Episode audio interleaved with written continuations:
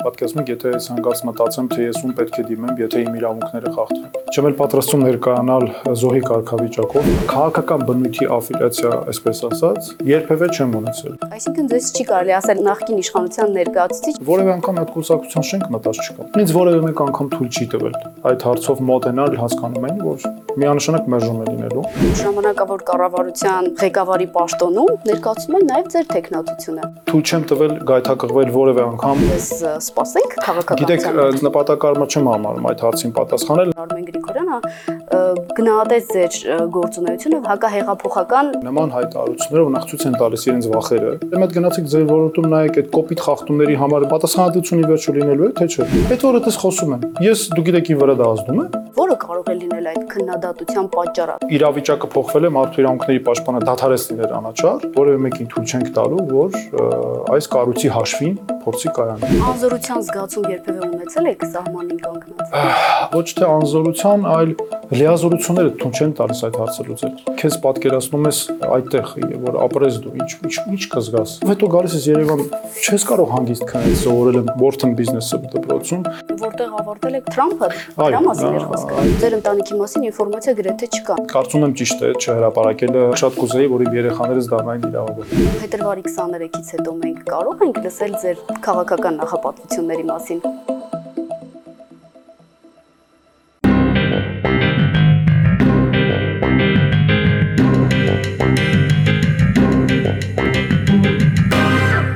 Բարև ձեզ, պարոն Թաթյան։ Շնորհակալ եմ մեր հրավերն ընդունելու համար։ Շնորհակալ եմ հրավերի համար։ Ձեր բոլոր հարցազրույցների ժամանակ իրավական տերմինաբանությունը միշտ շատ է լինում, այս անգամ փորձենք մի քիչ քչացնել չափաբաժինը։ Մարդու իրավունքների պաշտպանի գրասենյակը վերջին մի քանի տարիների ընթացքում վարկանիշը բավականին բարձրացրել է որպես մարդու իրավունքները պաշտպանող կառույց, որտեղ ինչ լինում է, առաջին բանը, որ ասում են, ասում են դիմիր պաշտպանին։ Երբ որ ձեր իրավունքն է խախտվում, այդ դեպքում դուք ում եք դիմում։ Ինձ համար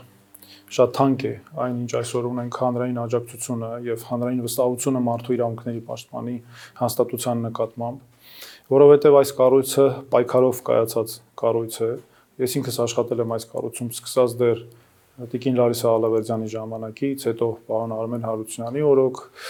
եւ հետո բնականաբար համագործակցել եմ բոլոր մարդու իրավունքների պաշտպանների հետ եւ բոլորն էլ իրենց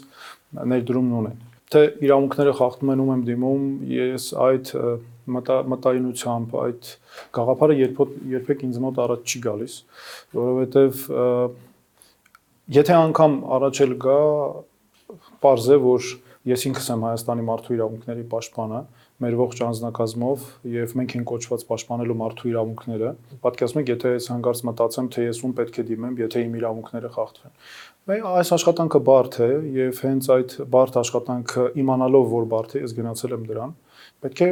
կատարել այս առաքելությունը եւ վերջ, որքան էլ բարդ լինի։ Մենք պաշտպանում ենք մարդկանց իրավունքները եւ ես ինքս չեմ ներկայացել չեմ էլ պատրաստում ներկայանալ զոհի կարգավիճակով իրավունքները խախտվելու եւ այլն։ խնդիրներ առաջանում են, լուծում ենք դրանք։ Չենք հատկապես խիստ եմ եղել եւ հետեւողական։ Հիմա էլ այդպես է բոլոր այն մարդկանց այն պաշտոնյաների նկատմամբ, որոնք փորձում են իրենց թույլ տալ այս կառույցի նկատմամբ ոտնձգություններ անել։ Դա ամենա ամենից ամենանվիրական արժեքն է, որ երբեք չպետք է թույլ տալ, որովհետեւ որ պահից սկսած պաշտոնյան զգաց, որ ինքը կարող է այս կառույցի նկատմամբ ոտնձգել եւ մարսել, նա կարող է ձնագնդի էֆեկտով լուրջ խնդիր ստեղծել ամբողջ պետական համակարգի համար։ Բայց մարսողներ եղել են։ Գիտեք, մենք հարգում ենք բոլոր պետական մարմիններին։ Ես ինքս հարգանքով եմ վերաբերվում եւ ղեկավարվում եմ միշտ բարեխղճության կանխավարկածով։ Բայց երբեք թույլ չեմ տվել ես ինքս լինելով այս կարգավիճակում, որ որևէ մեկը, ով իրեն փորձել է անգամ մտքի ծայրով երևի անցկացնել, որ կարող է այս կառույցի նկատմամբ ոտնձգություն անել ու մնալ անպատասխան, բացառվում է։ Եվ պատասխանը միշտ եղել է քարակի, հնգակի, ամենա ծանր ձևով ավելի խիստ, քան օրինակ այլ հարցերում, որովհետև եթե մենք այս կառույցի հեղինակությունը թողնենք թուլանա կամ ընկնի, դուք պատկերացնում ոնց ենք մենք մարդու իրավունքները պաշտպանելու։ Մենք անում ենք մեր գործը, հետևողական ենք եւ որևէ մեկին թույլ չենք տալու, որ այս կառույցի հաշվին փորձի կայանալ։ գրասենյակի հանդեպ ոտնձգություններից խոսեցիք։ Վերջերս գրառում էի կարել դեկտեմբերի վերջին, որ լուրերը անտեսում է ՄԻՊ-ի գործունեությունը։ Դուք սա նկատել եք պատերազմից հետո, թե պատերազմից առաջ էլ եղել են դեպքեր, բայց դրան չեք չեք բարձրաձայնել, չեք անդրադարձել։ Գիտեք, սա ես չէի ասի ոտնցկություն իրենց կողմից, ես ուղղակի կանվանայի օրենքի կոպիտ խախտում, որ իրենք թույլ են տալիս։ Դա արձանագրվել է պատերազմի ընթացքում արդեն ավարտին եւ պատերազմից հետո հատկապես եւ ել ավելի սաստկացել է, այլ ավելի սահմանափակվել է, երբ ես ազգային ժողովում տարեկան հաղորդման քննարկման ժամանակ իմ եզրափակիչ ելույթում քննադատեցի հանրային հերոստատեսության։ Մայիսի 6-ի մասին Մայիսի 6-ի ելույթի մասին է խոսքը։ Դա ասեմ ձեզ, որ այնիշ տեղի ունենում այսօր օրենքի կոպիտ խախտում է։ Խոսքը գնում է պետության պարտավորությունների կատարման մասին։ Նախ բացարձակ չեն ներկայացվում լիարժեք այն հրաապարակումները, որ անում ենք մարդու իրավունքների խնդիրների վերաբերյալ։ Նույնիսկ այն կառույցները, որոնք անհիմն ուղակի մեզ հերքում են,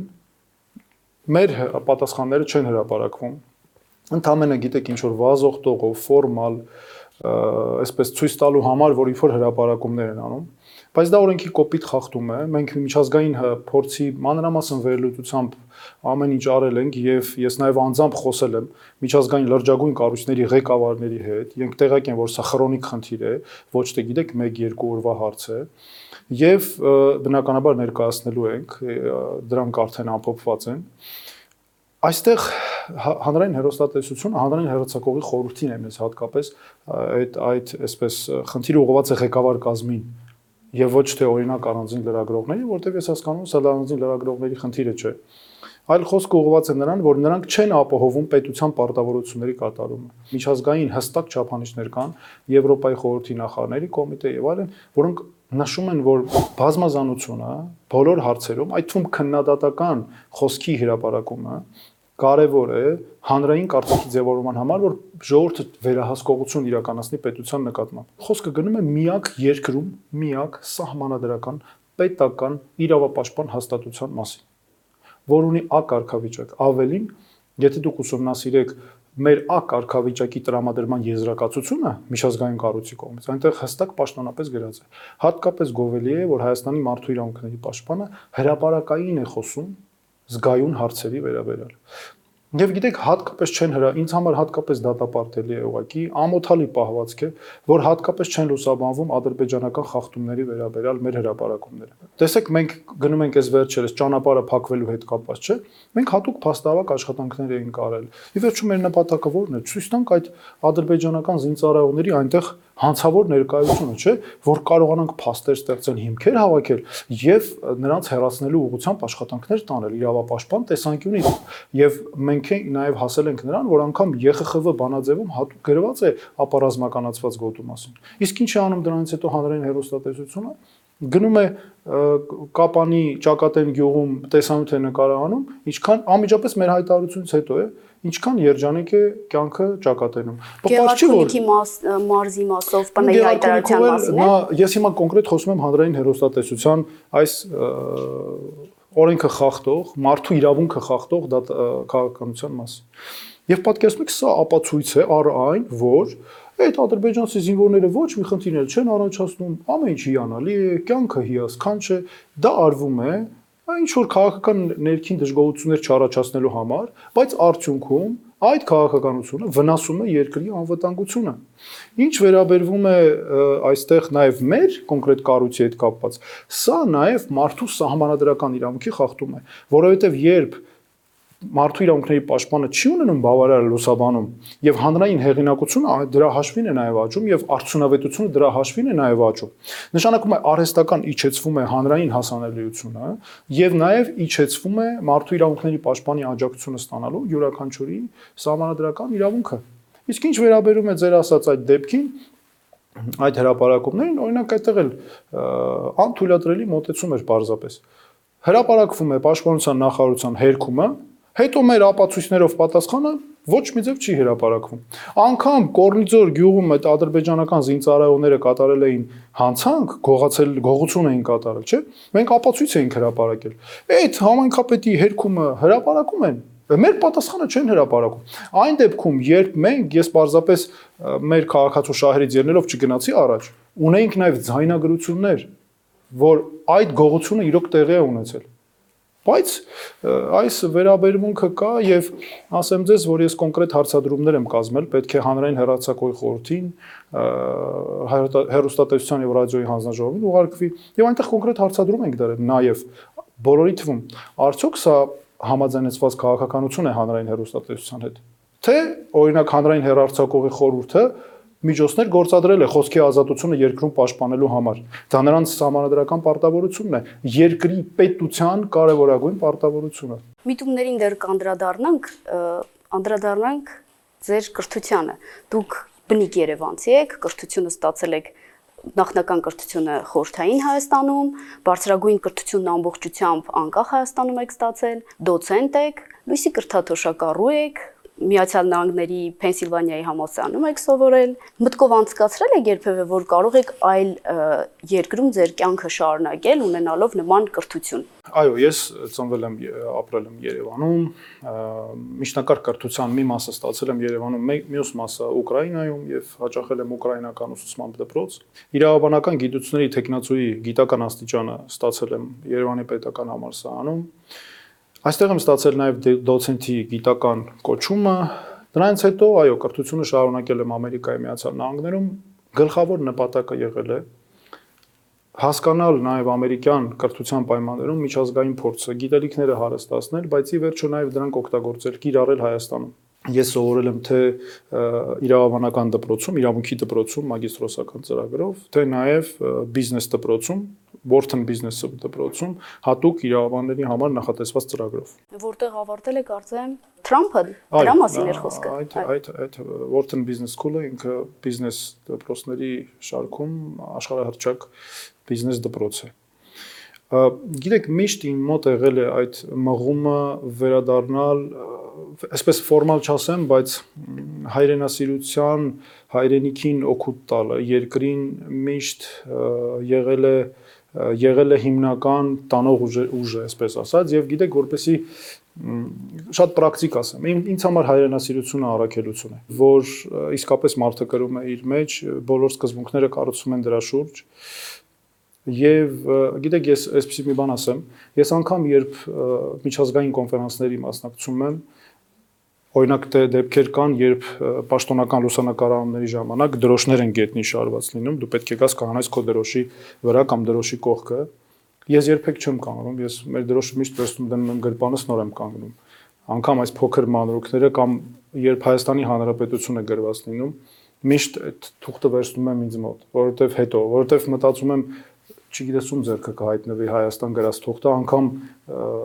սիրտս չի տանի, այսպես ասած, եթե ինչ-որ մեկը վերցնի ու պատրի այդ թուղթը։ Օրինակ ես ինձ մոտ ունեմ բազմաթիվ այդ անգամ A4 ֆորմատի թղթի վրա հասարակ գրվում է Հայաստանի Հանրապետություն կամ Հայաստանի Հանրապետության մարդու իրավունքների պաշտպան, ես միշտ այդ թուղթը վերցնում եմ ինձ մոտ որ չթողեմ հետո որևէ մեկը անգամ փորձի պատրել դա։ Իսկ այս աշխատանքում գործն այնպեսին էր, որ ուղիղ կապված էր մեր երկրի անվտանգության հետ։ Եվ գիտեք, երբ այցելում ես սահմանային բնակավայր ու տեսնում ես ինչպես է քաղաքացին, սովորական մարդը զրկանքների ենթարկվել, ինչ որ մեր այն երկրի, որ պարզապես ուզում է բնաջնջել մեզ, այն երկրի զինվորականի կողմից Եվ այդ զրկանքները բացարձակ անարդար են ու չի կարողանում ստանալ չի կարողանում հասնել իրավունքների վերականգնման, ավելին ներսում կան անգամ պաշտոնյաներ, որոնք իրենց ներքաղաքական դժգոհությունները չառաջացնելու համար անում են հայտարարություններ, որոնք խախտում են այդ մարդու իրավունքը, որոնք օրինականացնում են այդ զինվորի արարքները ադրբեջանական կոնկրետ։ Այս դեպքում մի ուրիշ զգացողություն է, գիտեք, առաջանում, որ մի կողմից չասեմ այսպես ան լուծելիության, բայց որ ել ավելի ջանքերդ ներդնես, որ կարողանաս հասնել քո գործով կարողանաս փոխել այն միջավայրը, որում ապրում է մեր քաղաքացին, սովորական մարդը։ Նրա համար դրականը կարողանաս անել։ Եվ մենք գիտենք այդպիսի դեպքեր ունենք, օրինակ,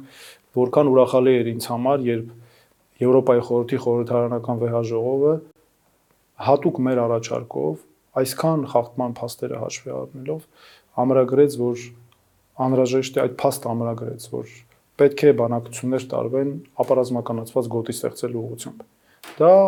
արդյունքներից մեկն էր։ Իհարկե ունեցել ենք նաև կոնկրետ արդյունքներ։ Երբ օրինակ մենք մարզեր են գրում միշտ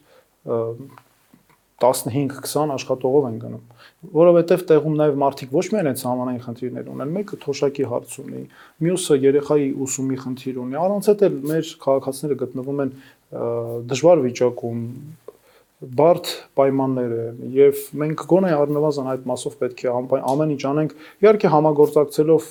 լինի համայնքային մարմինների հետ, այլ գործընկերների հետ, բայց փորձենք օգնել վերհանենք խնդիրները, որ օգնենք նրանց։ Քանի որ մարզ այցելությունից խոսեցիք, Հիմա ոչ որպես մարդու իրավունքների պաշտպան։ Հիշում եք ձեր առաջին զգացողությունը, երբ պատերազմից հետո գնացիք Սյունիքի մարզ, Սյունեցու հետ կանգնեցիք կողք կողքի, նայեցիք դեպի մի քանի մետր կանգնած ադրբեջանցին։ Ինչ զգացիք։ Ոչ որպես պաշտպան, որպես մարդ։ Ակամայից քեզ պատկերացնում ես այդ այդտեղ, որ ապրես դու, ինչ ինչ ինչ կզգաս քեզ չես կարող այդ դա այնպեսի զգացողություն է, որ այլ ելք չկա, քան փորձես ամեն ինչ անել, որ ինքդ էլ հասկանաս ինչպես են ի վերջո այդ մարդիկ ապրում։ Գեղարքունիքում երբ այցելել էինք, մեր գյուղերից մեկի բնակիչներից մեկն ասում է պատուհանից երևում է ինչպես են ադրբեջանցի ադրբեջանական մեքենաները հատուկ լուսարցակները միացնում, որ գյուղի վրա հատուկ ցուցադրեն, իրենք էլ այդպես զգում են վախ առաջացնելու համար, գնում գալիս հաճախ ազդանշաններ տալիս եւ այլն կամ երբ հատկապես ինտենսիվ էին կրակոցները գյուղերի ուղությամբ պատերազմից անմիջապես հետո լավ դու հասկանում ես որ այս պայմաններում մեր քաղաքացիները մեր հայրենակիցները ինչպես կարող են նորմալ ապրել։ Բնականon կյանքը ամբողջությամբ խաթարված է։ Սա շատ հիմնարար, այսպես գաղափար է, որ անզորության զգացում երբևէ ունեցել եք սահմանին կանգնած։ Քանի որ այս ոլորտում հարցեր կան, որ կախված են ռազմաքաղաքական որոշումներից, որոնք բացասական են ազդում մարդու վրա, լինում են դեպքեր, որ այո, լինում է ոչ թե անզորության, այլ երբ դու տեսնում ես իրական խնդիրը կա, բայց լիազորությունները թույլ չեն տալիս այդ հարցը լուծել։ Սա ամենա դժվար իրավիճակներից մեկն է։ Անցյալ տարվա գլխավոր մարտահրավերներից էին ինձ համար այդ անվտանգության մյուս հարցերին զուգահեռ այն, որ կան պաշտոնյաներ, որոնք անում են հայտարարություններ ներքաղաքական դժգոհություններ իրենց նկատմամբ չառաջացնելու համար, բայց որ այդ հայտարարությունները ակնհայտորեն խախտում են մարդու իրավունքները։ Խոսքը վերաբերում է օրինակ այն հայտարարություններին, թե այդ տարածքները, այդ տարածքներում օրինակ ադրբեջանական զինծառայողները, որ հայտնվել են, դա իրենց տարածքն է, մենք ոչինչ չեն կարող անել։ Բա լավ, այդ դեպքում ասում ես, բա ինչպես ենք մենք լեգիտիմացնում, բա լավ, մեր քաղաքացիների անվտանգությունը բա։ Եվ այստեղ նաև լուրջ մարտահրավեր է միշտ եղել, որ անցյալ տարվա գլխավոր մարտահրավերներից էր, որ անվտանգությունը թույլ չտալ, որ կտրեն մարդու իրավունքներից, մարդուց։ Չէ որ միացել է դուք, բերեք բոլորս մտածենք Երբ ասում են անվտանգություն, բա դա առաջին հերթին մարդուն է չէ վերաբերում։ Անվտանգ ապրելու, խաղաղ ապրելու, բնականon կյանքով ապրելու, որ կարողանա մարդը գնա իր հողը մշակելու, չմտածի, վայ, հեսա կարողա կրակեն։ Եվ հələ հիշում եք նույնիսկ ես հիշում եմ այ մարդ արդեն այդ պատերազմից հետո հայտարարություններ էին անում որոշ պաշտոնյաներ ասում էին թե բան այդ կրակոցները անկանոն են կամ գյուղի ուղությամբ չեն եղել կամ այդ կարող են գնալ մենք քաղաքացուն ասել ոչինչ դու հանգիստ հողագործությունդ արա այդ կրակոցը որ կրակեց անկանոն էր չհասկացա որտեղից քաղաքացին հասկանա այդ կրակոցը անկանոն էր թե անկանոն չէր նրանց դրա համար ասում եմ որ նրանց ներկայությունը ինքնին մեր գյուղերի հարևանությամբ ճանապարհներին մեր քաղաքացիների կյանքի իրավունքի խախտում է ինքնին ներկայությունը կարևորագույն միջազգային չափանիշներ կան այս հարցում եւ շատ հեշտ է միշտապես ասել քաղաքական է, քաղաքական է ամեն ինչ փակել։ Հասկանում եք։ 2013 թվականին, երբ Միացյալ Նահանգներից արդեն վերադարձաք, նշանակվեցիք Տիգրան Սարգսյանի որոշմամբ արդարադատության նախարարի տեղակալ։ Մի շրջան նաև աշխատել եք Արփինե Հովանեսյանի հետ, նա այդ ժամանակ նախարար էր դժվար էր կին ղեկավար ունենալը, թե ես իմ հարցադրմամբ հիմա գենդերային իրավունք եմ խախտում։ Ես նշանակվել եմ նախարարի տեղակալի պաշտոնում 2013 թվականի նոյեմբերին բացառապես զբաղվել եմ մասնագիտական աշխատանքով, երբևէ որևէ քաղաքական ուժի, անձի, հետ քաղաքական բնույթի աֆիլիացիա, այսպես ասած, երբևէ չեմ ունեցել եւ Այսինքն ձեզ չի կարելի ասել նախ- նախկին իշխանության ներկայացուցիչ, որքան էլ որ այն ժամանակ Դա քաղաքական նշանակության ինչ որ տերմինոլոգիա է, արդեն բան դիսկուրս է, այսպես պարակտող դիսկուրս է, որը ես շատ դատապարտելի եմ համարել միշտ։ Այն աստիճան բացառիկ մասնագիտական էր իմ աշխատանքը եւ նաեւ իրավապաշտպան բնույթի, որ երևի կհիշեք այդ ժամանակ նույնպես ինչպես հիմա համատարած կուսակցականացում էր ընթանում։ Բոլորը դառնում էին կուսակցականներ եւ այլն։ Ինձ որևէ մեկ անգամ թույլ չի տվել այդ հարցով մոտենալ եւ առաջարկ անել, որտեվ նախ ես իմ պահվածքով, իմ վարկագծով միշտ այնպես է, որ կարծում բոլորն էլ հասկանում էին, որ միանշանակ մերժում է լինելու։ Եվ երկրորդը ես երբեք չէի ցուցադրում հակվածություն կամ անգամ ցանկություն, որ կարող է մեկը մտածել, որ ես ինչ-որ քաղաքական գործընթացների հետ կարող կապվածություն ունենամ։ Դրա համար ես པարս ճակատով հիմա ասում եմ դրա մասին։ Որևէ մեկը չի կարող նման բան անել։ Բացառվում։ Ես անգամ որևէ անգամ այդ կուսակցության շենք մտած չկամ։ Այսինքն այդ աստիճան պարզապես չի հետաքրքրել։ Եվ իմ աշխատանքը այդ բնույթի է եղել։ Հիմա վերադառնամ ձեր հարցին կապված կին կին ղեկավարի հետ։ Գիտեք, դա առաջին անգամը չէր։ Ես նաև կին ղեկավար դրանից առաջ ինձ համար եղել են Տիկին Այդա Իսկոյանը, ով Երևանի պետական համալսարանի դասախոս էր, ը, լուսահոգի գլխավոր դատախազ, ով սպանվեց իր աշխատասենյակում Հենրիկ Խաչատրյանի կինը։ Ես նրա հասարակական կազմակերպությունում կարճ ժամանակ աշխատեցի, երբ դեռ նաև մագիստրոս էի, համատեղում էի շրջակա միջավայրի իրավական պահպանության կենտրոն կար Եվ դրանից հետո նաև երբ մարդու իրավունքների պաշտպանի հաստատությունը հիմնադրվեց, աշխատանքը սկսել եմ Տիկի Լարիսա Ալավերդյանի ժամանակ, այսինքն արդեն փորձը կար այսպես կին ղեկավար ունել եւ գիտեք, դա ինձ համար նշանակություն չի եղել, ինձ համար այդ սերի հարցը չի կարող նշանակություն ունենալ, որովհետեւ Հակառակը ես հիմա տեսնում եք որքան շատ եմ ինքս խոսում դրա մասին, որ կարծրատիպերը պետք է վերանան եւ ասեմ ձեզ կնոջ հետ կին ղեկավարի հետ էլ շատ հեշտ է այն իմաստով, որ դու չես զգում տարբերություն, որովհետեւ աշխատանքը պրոֆեսիոնալ է, դու աշխատում ես պրոֆեսիոնալ մարդկանց հետ եւ ճիշտ արժեքներ։ Կամենակարևորը, եթե դու աշխատում ես այնպիսի գործընկերոջ հետ, ով ճիշտ արժեքներ ունի, այդ մարդու հետ որևէ խնդիր չի կարող առաջանալ։ Ավ- Առավել եւս, եթե դու ինքդ կոմպլեքսներ չունես, հասկանում եք, եւ ես չեմ կարծում, որ ուժեղ մարդը ինքը կարող է երբևէ ուժեղ տղամարդը, այսպես ուժեղացում նկատում կայացած մարդը կարող է կոմպլեքսավորվել կամ վատ զգալ, որ կին ղեկավար է։ Իհարկե ոչ, դրանք կարծում եմ այսպես արդեականություն ամեն դեպքում այնպիսի հարցեր են, որ կարծրատիպերի հետ են կապված եւ ավելին ասեմ, բերեք ղեկավար կին մենակ չվերցնենք։ Կին նաեւ վերցնենք ենթակա ծառայողական իմաստով։ Այսօր մեր աշխատակազմի մեծ մասը աղջիկներ են, այսինքն կանայք են։ Օրինակ խոշտանգումների կանխարգելման մեխանիզմի համակարգողները եւ գործող մեր համակարգողը բժշկուհի մասնագիտությամբ կանայք են։ Եվ ես երբևէ որևէ առումով խնդիր չեմ ունեցել։ Ինչու այս խոշտանգումը բերեցի, պատկերացեք նրանք լինելով այս բարդ ստորաբաժանման ղեկավար այցեր են իրականացնում քրեակատարական հիմնարկներ, արդեն բարդ ոլորտներում է շփվում եւ պատկերացեք ես նաեւ մտածում եմ մեկ-մեկ որ եթե տղամարդ լիներ ես չեմ պատկերացնում որ այս նույն արդյունավետությամբ կաշխատեր թե չէ այսինքն գիտեք մենք մեր փորձով ենք նաեւ ցույց տվել ունենալով իրական այդ մղումները, որ դա ընդհանրապես կարծրատիպ է եւ արժեքները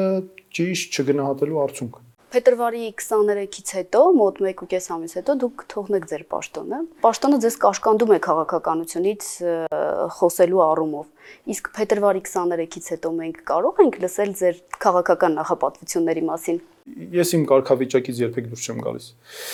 Եվ թույլ չեմ տալիս, որ որևէ մեկը այդ քաղաքականացման փորձերով փորձի ոտնձգի ոտնձգի այս կառույցի նկատմամբ։ Որտեւ ես հասկանում եմ, որ մարդու իրավունքների պաշտպանի ոչ միայն իրավական կարգավիճակը, թողնենք լավ իրավական կարգավիճակը, բայց նաև խոսքի ուժը նրանում է, որ դու չունես քաղաքական աֆիլիացիա որևէ մեկի հետ։ Եվ այսօր որևէ մեկը չի կարող ասել, ես բարձ հրաապարակային ասում եմ, չկա որևէ մեկը, որ կարող է կանգնել ասել, որ Արման Թաթոյանը այս կամ այն քաղաքական ուժի հետ աֆիլիացիա ունի եւ ավելին ասեմ քաղաքական ուժի ներեցեք քաղաքական ուժի առումով անուններ չեն տալիս, բայց օրինակ ազգային անվտանգության խորհրդի քարտուղար Արմեն Գրիգորյանը գնահատեց ձեր գործունեությունը որպես հակահեղափոխական դիրքերում աշխատող պաշտպան։ Գիտեք, ես այդ այդ պաշտոնյային չէի անդրադառնա, բայց մի անգամ ստիպված անդրադարձել եմ, որովհետև համակարգային էր դառնում հարցը, քանի որ դուք տվեցիք հարցը, ասեմ, որ նման մարդիկ, պաշտոնյաները նման հայտարարություններով նախ ցույց են տալիս իրենց վախերը, Երկրորդ նրանք չեն հասկանում Հայաստանի մարդու իրավունքների պաշտպանի առաքելությունը։ Նրանք չեն պատկերացնում անվտանգության, ճիշտ չեն պատկերացնում անվտանգության ու մարդու իրավունքների հետ կապը։ Ավելին, այդ մարդկանց թվում կան անգամ մարդիկ, պաշտոնյաներ նախկին գործադիր իշխանության, որոնք թույլ են տվել ամենակոպիտ խախտումները։ Եվ հիմա իրենց թույլ են տալիս խոսել Հայաստանի մարդու իրավունքների ոլորտից քննարկել հարցեր, քաղաքական այդ հարցերը բարձրացնելու համար մեղադրել, փորձել քաղաքական հա- քաղաքականացման ը, մեջ ինչ է այդ մի հատ հələ մեկը հարցնի հələ մի հատ գնացեք ձեր ոլորտում նայեք այդ կոպիտ խախտումների համար բա պետք է մի հատ պատասխանատվություն ի վերջո լինելու է թե չէ ինչ վերաբերվում է այդ անվտանգության հետ կապված գիտեք ամենավտանգավոր բանը որ կարող է լինել եւ ցավոք այդ դիսկուրսը կա որ փորձեն անվտանգության հարցերը կտրել մարդու իրավունքներից եթե մենք մարդուց կտրենք անվտանգությունը նաեւ կզրկվենք անվտանգությունից առհասարակ եւ այս պաշտոնում լինելով բացառապես մարդու իրավունքների ոլորտում աշխատանք տանելով ինձ մի միշտ մի հիմնարար այսպես մղում է առաջ տարել, որ ես երբեք չփոշմանեմ այն ամենի համար, ինչ կարող եմ անել, բայց չեմ արել։ Այդ մղումը, Կան նման բաներ։ կան նման բաներ եւ ես անում եմ այնպես, որ հետո հանգած չփոշմանեմ։ Օրինակ տեսեք, սահմանային բնակիչների իրավունքների պաշտպանությունը։ Հիմա երբ գնում տեսնում ես, որ օրինակ պատերազմից հետո էր հատկապես, եթե հիշում եք, որևէ պաշտոնատարան սահմաններում չէր գնում խնդիրների առումով, որ մարդկանց բացատրեին ինչ է տեղի ունենում։ Բացարձակ անորոշություն էր տիրում, չէ՞։ Հիմա գնում ես տեսնում ես, որ սոցիալական լուրջ խնդիրներին ավելացել են նաև անվտանգության խնդիրները, որ ավելի է կրկնապատկեր սոցիալականը։ Լավ, հետո գալիս ես Երևան, չես կարող հանգիստ քնել, հասկանում եք, այդ այդ մարդկանց խնդիրները եթե չբարձրաձայնես, ինքդ ազնիվ չես գտնվի քո անձի նկատմամբ։ Բայց հետո հաջորդ անգամ քաղաքացին ինձ տեսնի այդ սահման գնամ կամ որևէ այլտեղ, բա չի ասի, որ մի հատ եկար տեսար, այդքան անունով էլ մարդու իրավունքների պաշտպան ես կոչվում։ Մի հատ որևէ միջոց չձեռնարկեցիր մենակ մնացինք։ Պարոն բայց եւ դուք ինքներդ ձեզ հետ մենակ եք մնում։ Երբևէ վերլուծել եք, որը կարող է լինել այդ քննադատության պատճառը, ասենք, գուցե բալանս է խախտվել, գուցե որ իրենք ասում են, որ հակահեղափոխականի Գիտեք, դիրքերից ես ասեմ ձեզ, Ներեցեք շարունակեմ, գուցե բալանս է խախտվել ու դուք օրինակ ընդդիմադիրների ոտնահարված իրավունքների մասին ավելի շատ եք խոսել, քան օրինակ իշխանական Գիտեք, ներկայացուցիչների։ ը, գիտեք, ես ասեմ ձեզ, դա ինձ խնդիրն է։ Այդ օրը դες խոսում եմ։ Ես դու գիտեք ին վրա դա ազդում է։ Այսինքն ես կարող եմ ինչ որ պաշտոնյա մարդու իրավունքների պաշտպանի աշխատանքը կամ ինչ որ պաշտոնյայի, եթե կարող է դուր չգալ մարդու իրավունքների պաշտպանի աշխատանքը, դուք կարծում եք ես այդ մտքի այդ միտքը կարող ինձ հետ պահել։ Իհարկե ոչ։ Շատ ներողություն ես երբեք չեմ աշխատել մտածելով թե մարդու իրավունքների այս կամ այն պաշտոնյային իմ աշխատանքի արդյունքը կամ իմ աշխատանքը դուր կգա թե չէ։ Դա իրենց խնդիրն է։ Իրենք կամավոր եկել են այդտեղ աշխատում են, խնդիրը կա բարձրաձայնում, բարձրաձայնում ենք։ Հարգանքով վերաբերվում ենք աշխատանքին, բայց եթե խախտումները թույլ են տրվում, բա ինչ պետք է անենք։ Պետք է քը- խոսքը ասենք դրա մասին, այս կառույցը դրա համար է ստեղծված։ Հա հասկանում եք, հակառակ դեպքում փակենք։ Չունենանք մարդու իրավունքների պաշտպանի հաստատություն։ Եվ գիտեք եւս մի կարևոր ուզում եմ այստեղ շեշտադրում անել։ 2018 թվականից առաջ, որ գիշեր-ցերեկ աշխատանք էր տարվում հավաքների պաշտպանության ուղղությամբ, այցեր էին արվում գիշեր-ցերեկ, ընդդիմության իրավունքները պաշտպանելու առումով այն ժամանակ շատ գործող պաշտոնյաներ էին, չէ՞, այդ մասնակցում։ Կամ 2016-ին ը, մեր մեր բացառիկ աշխատանքը, որ այդ հուլիսյան իրադարձությունների ժամանակ արտահերտ զեկույցը, որը լավագույններից է համարվում, դատարանում շատ մարդիկ օգտագործեն իրենց իրավունքները պաշտպանելու համար։ Հա, Այդ պայմաններում հիմա էլ իրավիճակը փոխվել է, մարդու իրավունքների պաշտպանը դարձավ ը, դադարեցնել էր անաչար։ Սա այս մոտեցումը, գիտեք, այս այս նույն խնդիրը ընկալման առումով ցավոք սրտի մենք ունեցել ենք նաև 2018 թվից առաջ։ Ճիշտ է, ես պետք է ասեմ, որ այս 1-2 տարվա մեջ ել ավելի ուժեղացել էին պահանջները առայն, որ մարդու իրավունքների պաշտպանը նաև պետքա պաշտոնյաների պաշտպանի։ Օրինակ ես ունեմ պաշտոնական նամակներ պաշտոնյաներից, բլանկով պաշտոնական, որտեղ կոնկրետ հարց է բացածված քաղաքացիներին, օրինակ հավաքի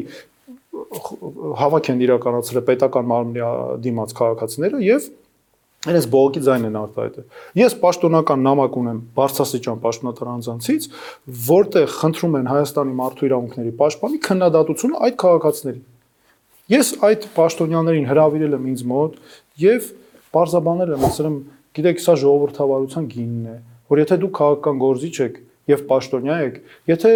հանրային վստահությունը փոխվում է, այսպես ռեյտինգը, այսպես ասած, կարող է նաև վերաբերմունք փոխվել։ Անունները կտա պաշտոնյաների չեմ կարծում նպատակահարմար է, բայց ես ուզում եմ ասեմ այդ պաշտոնյաները գիտեն արդեն ում մասն է խոսքը։ Սա այն օրինակներից է, որ ցույց է տալիս նաև խնդիր թե ի վերջո ժողովրդավարության այդ մեխանիզմը որտեղ է։ Ես նաև մեկ բան ասեմ, Ինձ համար մեծ հպարտություն էր նաև, երբ այս վերջում Վենետիկի հանձնաժողովը հատուկ արձանագրեց, որ Հայաստանի մարդու իրավունքների պաշտպանը առանցքային դեր ունի երկրի մարդու իրավունքների, իրավունքի գերակայության եւ ժողովրդավարության հարցերում։ Ավելին, դրանից կար ժամանակ անց, ընդամենը այս երևի 1 ամիս մոտավորապես կամ դրանից մի քիչ շատ, ԵԽԽՎ-ի համազեկուցողները իրենց հատուկ պաշտոնական հրապարակված փաստաթղթում ասացին, արձանագրեցին պաշտոնապես, որ Հայաստանի մարդու իրավունքների պաշտպանը ինստիտուցիոնալ հակակշիռ է կառավարությանը։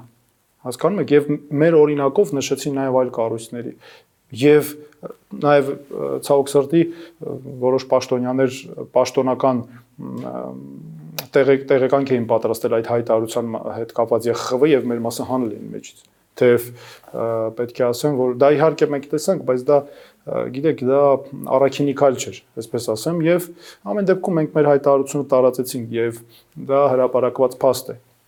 Պարոն Թաթյան, հիմա 23-ից հետո փետրվարի 23-ից հետո ձեզ սպասենք քաղաքականության մեջ։ Ներեցեք ինչու եմ ես ասում, որովհետև պատերազմից հետո սոցիալական հարթակներում քննարկում կար, որ ժամանակավոր կառավարության ղեկավարի պաշտոնում, նաև որպես չեզոք անձ, ներկայացում են նաև ձեր տեխնացությունը։ Շատ շնորհակալ եմ հանրային աջակցության համար, վստահության համար։ Դա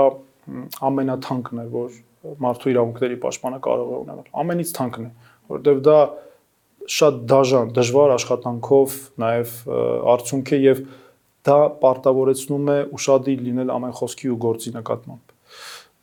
Եվ ես ինքս թույլ չեմ տվել երբեք գայթակղվել այդ հրաապարակումներով։ Իհարկե մենք տեսնում ենք, հետևում ենք ամեն ինչին, բայց թույլ չեմ տվել գայթակղվել որևէ անգամ, որովհետև ես ունեմ իմ կարգավիճակը։ Եվ այդ կարգավիճակ, եթե հանգամ որևէ նշույլ անգամ փորձես գայթակղվել կամ mm -hmm կարողանաս չկարողանաս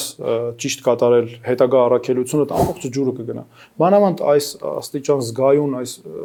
բարդ հարցերում, գիտեք, եւ նաեւ պատասխանատվություն կա մարդկանց նկատմամբ, հասկանում եք, հանրության նկատմամբ։ Որտեվ եթե հանկարծ նման բան լինի, դու շեղվես կարգավիճակիցդ, պետք է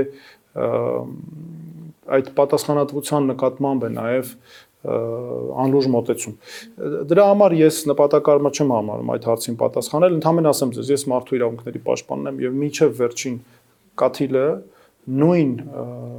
ինտենսիվությամբ շարունակելու եմ աշխատանքս դուք հանրային անձ եք եւ հետեւաբար նաեւ խոշորացույցի տակ է առնվում ձեր ընտանիքը բայց ձեր ընտանիքի մասին ինֆորմացիա գրեթե չկա միայն գիտենք որ ամուսնացած եք եւ ունեք երկու երեխա Դուք թույլ չեք տալիս, որ ձեր ընտանիք մտնեն, թե ընտանիքի անդամների ցանկությունն է չհանրայինանալու։ Ես ճիշտ չեմ համարում, որ ընտանիքը խառնվի հանրային հանրային գործունեության, այսպես միախառնում լինի եւ իմ ընտանիքս էլ այդ նույն այսպես գաղափարներին է կամ հայացքներին է։ Ի վերջո հանրային հարցերը այլ են, ընտանեկան հարցերը այլ են։ Ճիշտ է, անձնական կյանքը կարևոր է, որ աշխատանքի աշխատանքային գործունեության արդյունավետությանը նպաստում է։ Կարծում եմ ուղղակի կարելի է դատել, որ իմ աշխատանքը նաև գրավականն է, այն աջակցությունը, որ ես իմ ունեմ իմ ընտանիքից։ Մնացածը ենթադրելի է։ Կարծում եմ ճիշտ է չհրապարակելը ամեն դեպքում իմ պարագայում։ Հիմա այս անձնական տարածքի խախտում կանեմ, եթե հարցնեմ ձեր կինը ձեր ոլորտից է։ Այսպես ասեմ, կինս մասնագիտությամբ իմ ոլորտի չէ, բայց ես օրինակ շատ կուզեի, որ իմ երեխաներս դառնային իրավաբան։ Ասում են սովորում ես ոչ թե սեփական սխալների վրա, այլ ուրիշների։ Դուք նախ համաձայն եք այս մտքի հետ։ Երևի թե ճիշտ է սովորել ուրիշների սխալների վրա, բայց երբեք չես կարող բացառել, որ ինքդ էլ չես կարող սխալվել եւ ամենակարևորը, որ ինքդ էլ քո սխալների վրա նաեւ սովորես, որովհետեւ Իսկ դուք սխալներ արել եք։ ով չի արել սխալներ։ Բոլորներ անում են սխալներ։ Ամենակարևորը, որ քայլեր անելուց առաջ ամեն դեպքում կարողանաս ճիշտ հաշվարկել թե ը, քայլդ ինչ հետևանքներ կարող է առաջացնել։ Օրինակ իմ պարագայում մարդու իրավունքների պաշտպանի դեպքում հետաքրքիր է որն է կամ ինչ ինձ այս աշխատանքը ինչ սովորեցրեց։ Երբ մենք հայտարարություն ենք անում, ես միշտ հաշվի եմ առնում պետական մարմինների հնարավոր արձագանքը կամ վերաբերմունքը միջազգային մեզ դիտում է աշխարհը, մեզ հետևում է աշխարհը, միջազգային կառույցների գնահատական արձագանքը, հասարակական կազմակերպություններին թեմայից կախված, ժողովրդի նաև բնականաբար մարդկանց, այսինքն եւ այս ոլորտում դու փորձում ես մշտապես հավասարակշռել, այսինքն հաշվարկել քայլերը եւ այնպես անել, որ սխալներ չլինեն։ Իսկ եթե անձնական սխալներից խոսենք, ոչ ոչ պաշտպանի գործունեության մասին։ Օրինակ կա մի սխալ, որ արել եք, կարծում եք, որ ճակատագրական է, եթե այս սա չանեի, կյանքի ընթացքն այլ կլիներ։ Չէ, այս պահին Փարքաստո նման սխալ չկա, բայց նորից եմ ասում, սխալները անդադ լինում են եւ որևէ մեկը չի կարող ապահովագրված չէ այդ սխալներից։ Ամենակարևորը որ դու կարողանաս այնպես անել, որ թեկուզ սայթակում ես, թեկուզ սխալվում ես, որ դրանից ավելի ուժեղացած դուրս գաս։ Եվ իսկ դրա ճանապարհավորն է չկրկնելը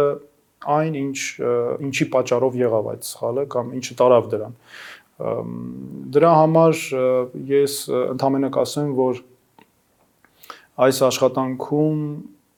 ի վերջո իրավիճակներ եղել են, որ ես կարծել եմ, որ կարող էի ուրիշ ձև անել օրինակ, եւ դրա համար միշտ աշխատում եմ այն մղումով, որ երբեք հետագայում ինչպես արդեն ասացի, չփոշմանեմ այն ամենի համար, ինչ կարող էի անել, բայց չարեցի հետագայում օրինակ մտածեմ ասեմ, այ գիտես չկա, սա օրինակ չարեցի։ Այդ միտքն է ինձ տանում եւ բացի այդ էլ մի կարևոր սկզբունք ունեմ ես, որ պետք է աշխատել այնքան, որքան կարող ես, իսկ դրանից հետո էլ այնքան, որքան պետք է։ Սրանք խոսքեր չեն ուղղակի, սրանք ինձ առաջ տանող խոսքեր են եւ սկզբունք։ Շնորհակալ եմ պարոն Թաթյան շատ հետաքրքիր հարցազրույցի համար։ Շնորհակալություն։